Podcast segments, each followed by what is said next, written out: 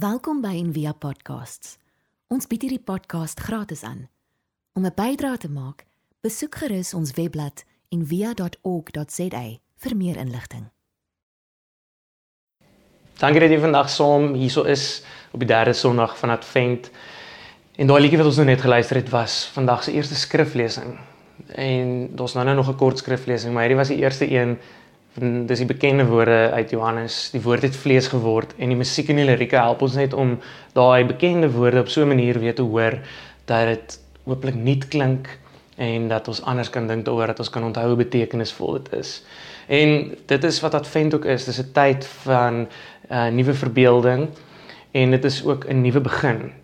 Aan die begin van Advent het Frida ons herinner aan dat dit dit is die einde van die jaar ehm um, en dit voel asof ons meer goeders klaar maak as wat ons dink aan 'n nuwe begin, maar tog is Advent eintlik die tyd vir 'n nuwe begin. Die kerkvader Athanasius het dit mooi gesê, hy het dit mooi beskryf ehm um, deur te sê dit is die woord wat vlees word wat vir ons die nuwe begin is omdat alles ook begin het met 'n woord. Met daai gedagte gaan ek nou vir ons die kers aansteek. God wat met 'n woord alles begin het en gepraat het en so vir ons lig gebring het word ook nou vir ons die lig in ons lewens bring vir ons lig om ons lewens op 'n nuwe manier te sien en om ons lewens in 'n nuwe lig te leef. Amen. Nou, soos wat dit vind die tyd is verwag, uh as jy dalk vandag voel jy wil nie stil word en dit is miskien vreemd om op 'n digitale manier saam stil te word, wil ek dit tog vra oorweeg het om nou saam stil te word want dit is so 'n konkrete manier om iets van advent te voel en te beleef. So kom ons word nou saam stil of om, om dit op 'n ander manier te sê, kom ons wag nou saam.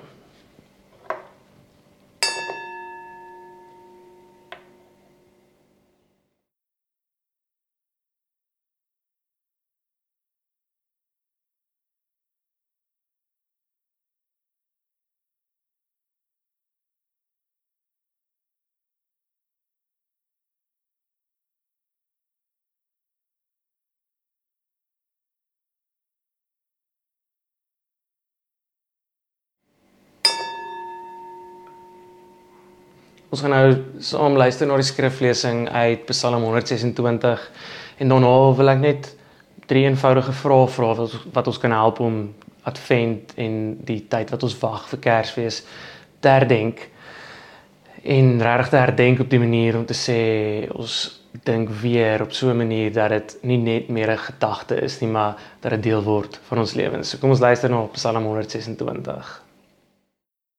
It seemed like a big dream. Too good to be true.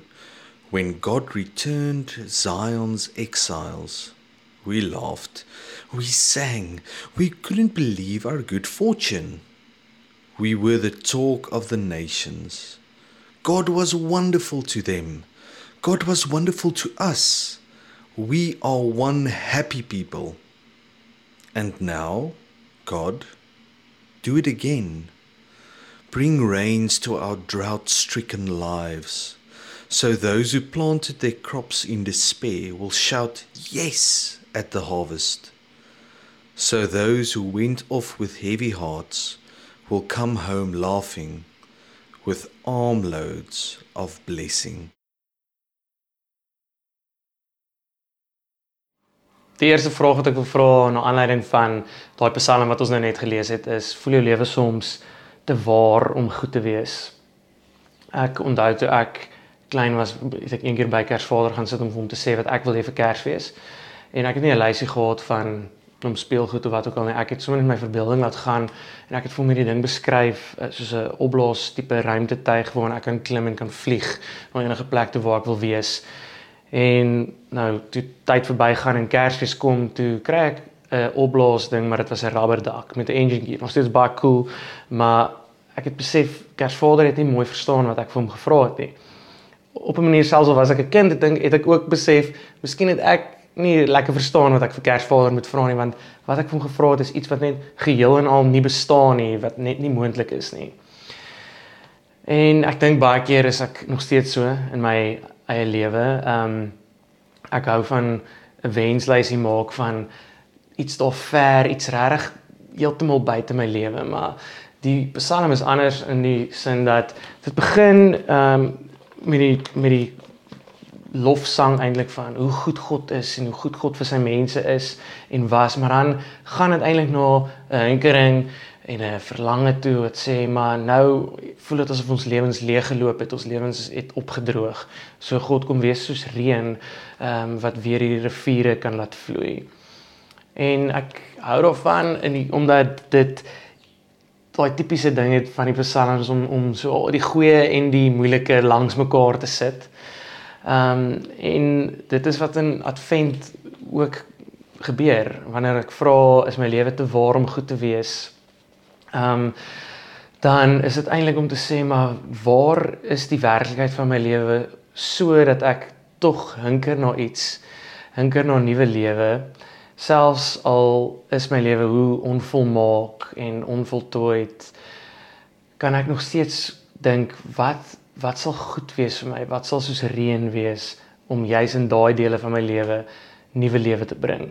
En nie net daar buite of ver waar ek wil ontsnap nie, maar presies daar waar my lewe waar is, kan dit ook goed wees. Voordat ek die volgende vraag vra, kan wil ek laat ons luister na Pierre Teilhard de Chardin, dis my beste Frans. Ehm um, sy poëtiese nadenking oor iets wat iets van Advent. Dit is the slow work of God.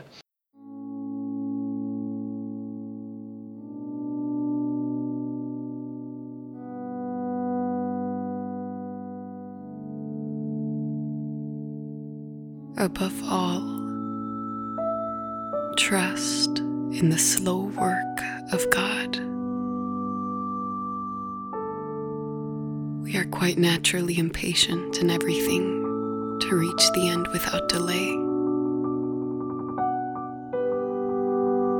We should like to skip the intermediate stages. We are impatient of being on the way to something unknown, something new.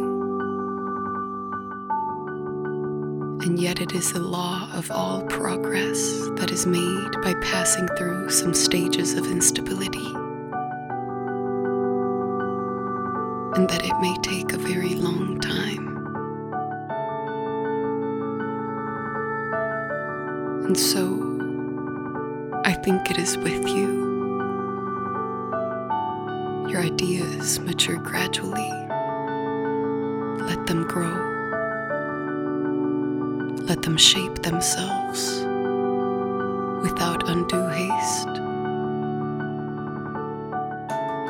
Don't try to force them on as though you could be today what time, that is to say, grace and circumstances acting on your own goodwill, will make of you tomorrow.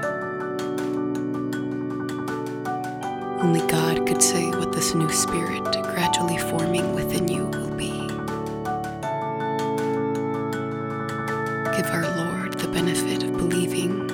His hand is leading you and accept the anxiety of feeling yourself in suspense and incomplete.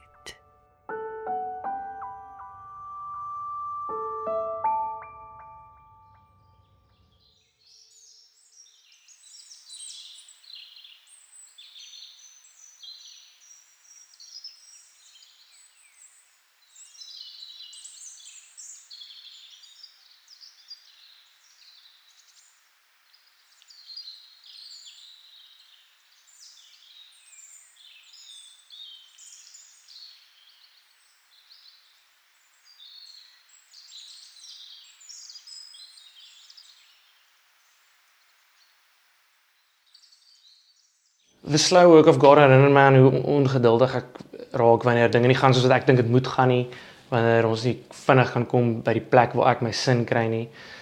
So die vraag wat ek daaroor wil vra is sê net maar jy kon deel wees van die komitee wat moes brainstorm hoe die woord moet vlees word, hoe God na die aarde moet kom. Wat sou jy anders doen? Ek kan vir 'n voorbeeld gee. Ek sou byvoorbeeld gesê het om 'n draai aan wees. Ons moet eers een aand voordat alles moet gebeur, kom ons skakel net die sterre aan, kyk of hy helder genoeg is dat die wyse man reg weet waar om te gaan. En kom ons werk aan die timeline. Ehm um, kom ons wag eers totdat Josef en Maria terug by die huis is en dan kan die kind gebore word. Dis veiliger. Die ondersteuningsnetwerk is daar, is net beter. Maar die woord word nie op daai manier vlees nie. Die woord word vlees op 'n riskante manier, onseker manier.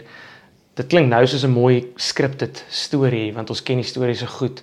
Maar dink dit aan alles wat kon skeefloop, die die reis te voet na 'n ander plek toe. Ehm um, die daar's nie 'n ordentlike plek om geboorte te gee nie. Ehm um, die die politieke chaos wat in die wêreld nog aan die gang is met die Herodes en alles in daai tyd. Die woord word vlees op daai manier. So wanneer dit nie dinge nie inpas by my brainstorm plannetjies nie. Al wat ek dink dan vir my oorblis om te vra wat is my hartsbegeerte? En wat sê my hartsbegeerte oor wat ek regtig wil hê en waarheen ek regtig met my lewe wil gaan? En die laaste vraag wat ek wil vra is wie kan vir God klein kry? Laat my dink aan Job, uh, waar God vir Job sê, "Maar waar was jy toe ek al hierdie groot dinge gedoen het?" Psalm 126, die vertaling wat ons nou nou gelees het, die message praat sê dit anders, maar die Afrikaanse vertaling praat van die Here het groot dinge aan hierdie mense gedoen, die Here het groot dinge aan ons gedoen. Ons was bly. Maar een van die grootste dinge wat God gedoen het was om dat ons om klein kon kry. So ons kon nie klein kry in ons kop nie, maar toe die woord vlees word het ons dit klein gekry eerstens. Babietjie, klein vlees, mens. Athanasius sê hy het die liggaam heilig gemaak deur daarin te wees. Baie keer is ek op soek na 'n out of body experience maar God het na ons gekom met 'n in-body experience. En wanneer Johannes praat van die woord het vlees geword, onder die woord het vlees geword, onder ons kom woon. Daai onder ons kom woon, die mense wat nou baie weet van vertaling sal sê eintlik mis ons dalk iets as ons nie hoor dat dit iets sê van hy het by ons kom tent opslaan. Die woord het het kom tent opslaan. En ons ken daai tentbeeld goed in die Bybel en baie keer klink dit soos 'n this too shall pass or we're just passing through hierdie is net tydelik en dis tot 'n mate baie waar weet hierdie liggaamlike lewe is baie tydelik maar is ook tydig wat ek daarmee bedoel is as jy ooit in 'n tent al gebly het sal jy weet 'n tent laat jou nie eintlik so maklik toe om nie hier te wees nie. As dit warm is dan is dit warm in die tent. As dit reën dan word jy maklik sommer nat in die tent ook. As die wind waai dan klap die seile en dit raas en dit is moeilik om te slaap. Op daai manier het die woord vlees geword. Ehm um, in 'n nou stuk van the slow work of God sê hy ook give our lord the benefit of believing. Ek wil dit sê as gee vir God die voordeel van die vertroue om te glo that his hand is leading you and accept the anxiety of feeling yourself in suspense and incomplete. Die woord het vlees geword en hier by ons kom kamp. Mag ons dit beleef in hierdie tyd wanneer ons Advent en Kersfees herdenk. Kom ons bid saam.